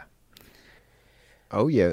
Eh, PlayStation 2-kontrolleren var, eh, var en veldig bra sånn allround-kontroller, husker jeg, på den tida. da. Var veldig god til slåssespill, og Tony Hawk var dødsdigg å spille på med Hvis du var avhengig av liksom å måtte flytte hånda frem og tilbake, eh, at du måtte endre eh, om du hadde fingrene på toppen av knappen eller uh, rundt på baksida, så var eh, PS2-kontrolleren helt klart Men den var ikke så god til twin, altså førstepersons twin stick-kontroll, fordi de, de, de var litt for rigide, de spakene, og litt for Ja. glatt overflate på. Du, Ja, hadde, du har bedre grep for deg òg når du har det i forskjellig høyde, sånn som, sånn som mange har nå.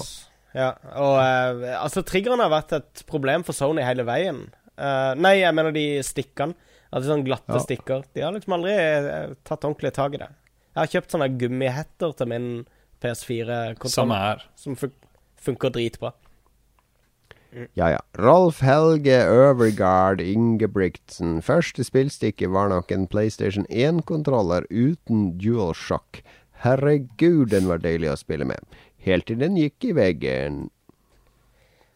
Ja, Det er veldig rart å holde i den der. Spaka var jo faktisk eh, ganske god, husker jeg. For den, all- de, kom jo ikke spaker på PlayStation-kontrolleren før Nintendo 64-kontrolleren kom. Ja, Og de skjønte å, vi har 3D-spill, kanskje vi skulle ha analog spake på. Og da kom den første DualShocken. Eller det var vel ikke DualShock heller, den første. Det var bare PlayStation Analog Controller, het den. Ja, ja, riktig. Men den aller første var jo uten noen spaker. Det var jo kun styrekryss og, og de fire knappene og har du, prøv, har du prøvd å holde i den igjen? Hm? Uh, ja, har du prøvd å holde i den nylig? Ja, den er så lett! Den Ja, veier er ingenting. Ja, men han er god å holde i, altså. Det er, Ja, en, det er en slags sånn er oppgradert eh, NES-kontroller, nesten. Spilt, spilte, vi Wipeout med den jævla førstekontrolleren uten Ja, ja, ja. Ja, ja, ja. Du blir jo nudga til siden og airbreaka. Det funka Final Fantasy 7 hadde ikke analog uh, støtte. Da måtte du bruke piltastene på å løpe rundt med, med D-paden. Ja, riktig det. Magnus Eide Sandstad kan jeg ta i samme sleng, for han har bare sendt et bilde av en TAC 2-kontroller, TAC2. Den husker Å, ja. jeg, den, var, den har jeg spilt med. Den er helt forferdelig, den òg. En sånn klassisk en med sånn svær eh, eh, nobb, på toppen av en eh, tynn pinne. Hva syns du han ligner på? Jeg syns Jeg syns litt på deg, ditt hode der, og den tynne kroppen neder. Europe.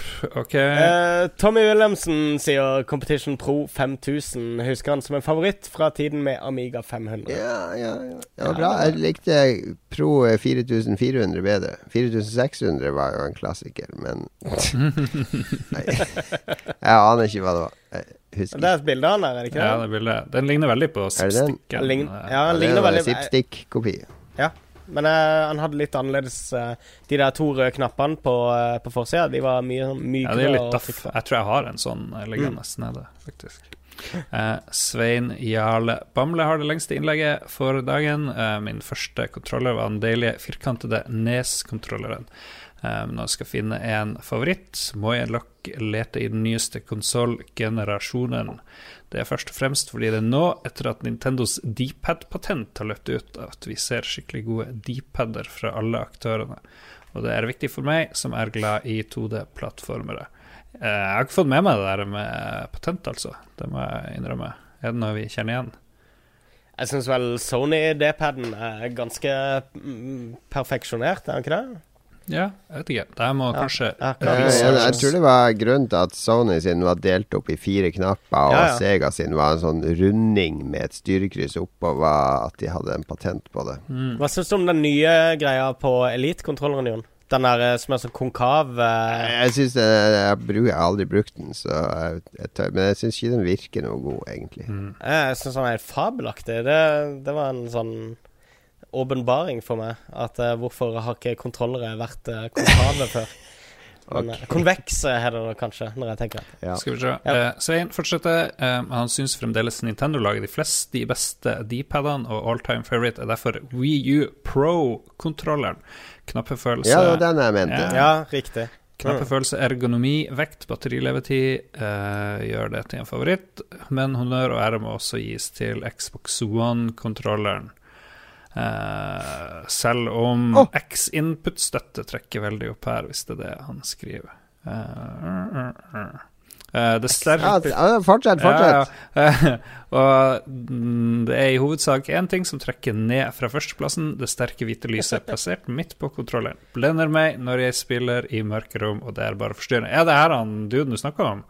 Nei, nei, det er en annen dude jeg snakker Yes. om. Det er Hvis du spiller på prosjektor, så vil du ha det mørkt, og det er faktisk forstyrrende med, med sånn lys rett foran deg. Men uh, er det ikke sånn lys på PlayStation-kontrolleren? Det kan du ikke skru av i options. Jeg har prøvd å skru det av. Jeg får det bare ned på Nei, du må gå inn i controller options. Men jeg tror Jeg har en venn av meg som fikk Elite-kontroller nå i helga. Og han sendte meg et bilde av en meny på Xbox nå der du kan justere lysstyrken på det lyset, eller slå den av. Oh, ja. Så jeg tror det skal ha kommet en patch nå, så Svein Jarle, sjekk ut eh, options på Xbox One nå. Det er kanskje en mulighet for at du kan slippe å irritere deg over det blendende lyset. Kan dra opp blendingsgardinene, så du ikke får naboklager lenger når du spiller Xbox. 1500 spenn for å slippe å spille med solbriller. Er verdt det. Kurt Arne Strømmen. Min første var to stykk Quickshot 2 Turbo som fulgte med min Commodore 64. Den ene hadde tre utskiftbare grips, Racing Sports og Flight. Hell yeah! Men selvfølgelig knakk dem. Beste var Zipstick, Competition Pro 5000 og Tac 2. Beste ever må nok bli DualShock 4, tett etterfulgt av Xbox 360-kontroll. Thank you til alle bidrag. Nå har vi gått gjennom absolutt alle. Det var morsomt å mimre om kontrollere. Det er jo en veldig viktig ting som vi ikke tenker så mye om eh, på, kanskje. Eh, vi som har uh, spillquiz, eh, tenker en del på uh, joysticker. Ja. Du, hva heter den Commodore 64-kontrolleren som var litt sånn forma som et sånn egg med en liten rød eh, joystick på, som lå liksom i hånda? Hmm. Ja, Husker du ja, den? husker den. Absolutt. Den var veldig god i sånn sportsspill, der du måtte riste raskt frem og tilbake. Jeg husker ikke hva den hette. Og så ser jeg at vi har litt uh, lytterspørsmål ellers, men jeg lurer på om vi skal bare spare de til neste uke og si uh, takk og farvel uh, for i dag. Hva dere syns om det, gutta?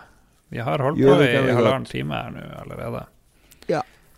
Før du begynner å angre på sendinga, Lars, og, og unnskylde deg på lufta, som vanlig. Jonar tar og har overtatt den eh, delen. av Ja, ja, Jon er sånn, han har noen bitre bemerkninger om sendinga, mens du Hva sier er unnskyld. bittert?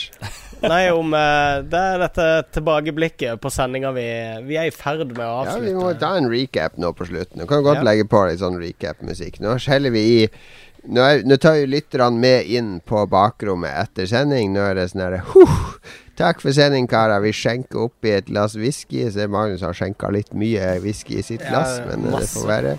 Uh, Whiskyen er klar. Vi drikker litt. Mm. Tenner på uh, i peisen. Gjør vi gjør det? Hmm? Tenner på i peisen og sånt. Er det der vi Ja, vi tenner peisen, på eh, Vi har ikke noe peis på bakrommet. Rydder litt i papirene. Vi tar litt av eh, konfekten og druefatet som eh, gjestene ikke har spist opp. Sett oss ned, og så tar vi Ja, hva syns vi om sendinga, karer? Eh, Litt for lite um, han der eh, Doom-skaperen, John Romero. Jeg trodde han skulle komme tilbake eh, denne gangen. Eh, Jeg har på følelsen Ja, at han han blir å ringe oss. Eh, Han har veldig lyst til å være i Lolbua. Ja, Tror ikke han kommer hver eh, gang. det gikk jo det gikk jo så veldig bedagelig for seg, da, gjorde det ikke det? Jeg syns det, det var et, eh, et fint uh, tillegg på uh, Gjort siden sist-spalten. Ja, ja, ja. Begynner vi å skille oss fra alle de andre podkastene som eh, som har eh, For det er jo det som er Sånn er det å være sånn tastemaker som vi er i podkastenes verden. At eh, når vi lanserer et konsept, så begynner de andre å kopiere det. Og nå, nå har vel så å si alle podcaster De bruker vel 'Hva har du gjort siden sist?' som en sånn innledende spalte i sine podcaster. Så da er det bra at vi innoverer, og Eller fortsetter å innovere. Vi tok, med vi tok jo bare det fra Radioresepsjonen, men eh, det er bra at vi innoverer den spalten som vi allerede har stjålet. Eh, men ja, jeg, jeg syns det funka greit. Det ble jo en litt lang introspalte, men jeg føler at den ble interessant, da, fordi det ble mange forskjellige temaer der. Eh, hvis vi kutter opp med litt musikk. Jeg føler fortsatt at vi må være litt mer eh, interaktiv når vi snakker om hva vi har spilt. Altså at vi spør hverandre litt mer. At vi ikke bare har en sånn lang monolog med ja, jeg har spilt blablabla, og det er og det er. Vi må ha mer sånn Ta en pause, og så slippe til de andre. Sånn, OK, var det kult, da? Eller eh, hvordan funka det? Eller eh, Ja. eh, at det blir det, kan bli fort bare én sånn stemme som sitter og prater lenger. Det kan bli litt kjedelig, syns jeg. Men overall, eh, bra. Greie lytterspørsmål. Det, det blir jo litt monotont bare ramse opp Nes og Xbox 360 og sånn. Det er jo bedre når de kommer med meninga si om noe, syns jeg, eh, med en begrunnelse. Så terningkast fire. Litt opp fra forrige gang. Er det en D20, eller eh, hva slags Ja, terning denne Ja, denne gangen er det en D12. Du, ja, riktig. Ja, Den blir sjelden brukt. Det er noen få sverd og, og økser som bruker D12, men ellers blir den ikke mye kasta. Jeg, jeg hiver meg litt med på Jeg tror eh, kanskje jeg gir det en, eh, en eh, fire av Og der, her bruker jeg Aftenposten-terningen litt for å irritere vår eh, anmelderfiendtlige venn. eh, og gir det en, en firerterning. Jeg foreslår at vi kutter ut den siste på bakrommet-spalten fra nå av. For det er skikkelig uinteressant. Det er siste gang dere får høre Bakrommet-spalten, vi Yes. lover. Vi har også bakrom i fotball, det brukte Drillo ofte å prate om. Men det er et annet bakrom, åpenbart. Greit. Det, vi har hatt sending nummer 111 111. Slutt å spille de der lydene fra Det er ingen som skjønner det. Det er ingen som syns det er morsomt. Nå Da blir det drar den her ned mot terningkast tre hvis vi hører mer av de her eh, blikkbokslydene fra mobilen til Lars.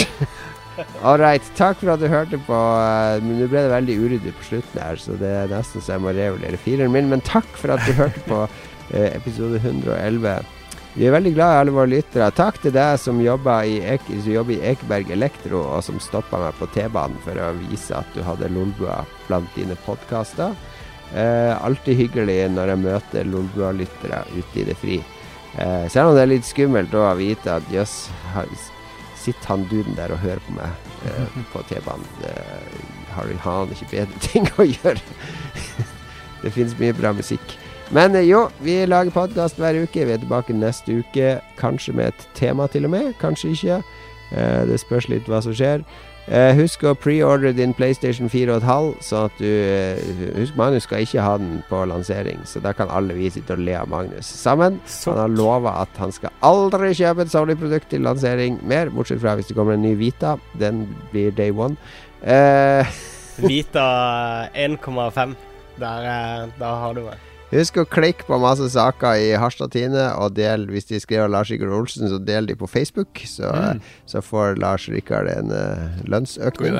Og vent på min nye plate som kommer snart. Uh, den skal hete 'Dette hater Jon og Magnus' å høre på. og husk å sjekke ut alle artiklene om Among og om uh, mosaikk, og preordre det når det kommer snart. Med eksklusiv preorder-bonus med Nei da, vi har ikke sånn. Vi driver ikke med sånt. Eh, vi høres igjen om en uke. Vi er på Facebook, Lolbua, Twitter, Lolbua. Eh, du finner oss også på at Magnus Tellefsen, at Lars R. Olsen og at Fleksnes. Uh, det er der vi gidder å kommunisere, basically. Ikke ring meg. Jeg ble ringt opp av en Magnus Leap-spiller fra Sør-Korea en natt som skulle ha support. Det, får, det, det blir ikke support. Uh, ha det bra. Takk for i dag. Ha det. Ha det.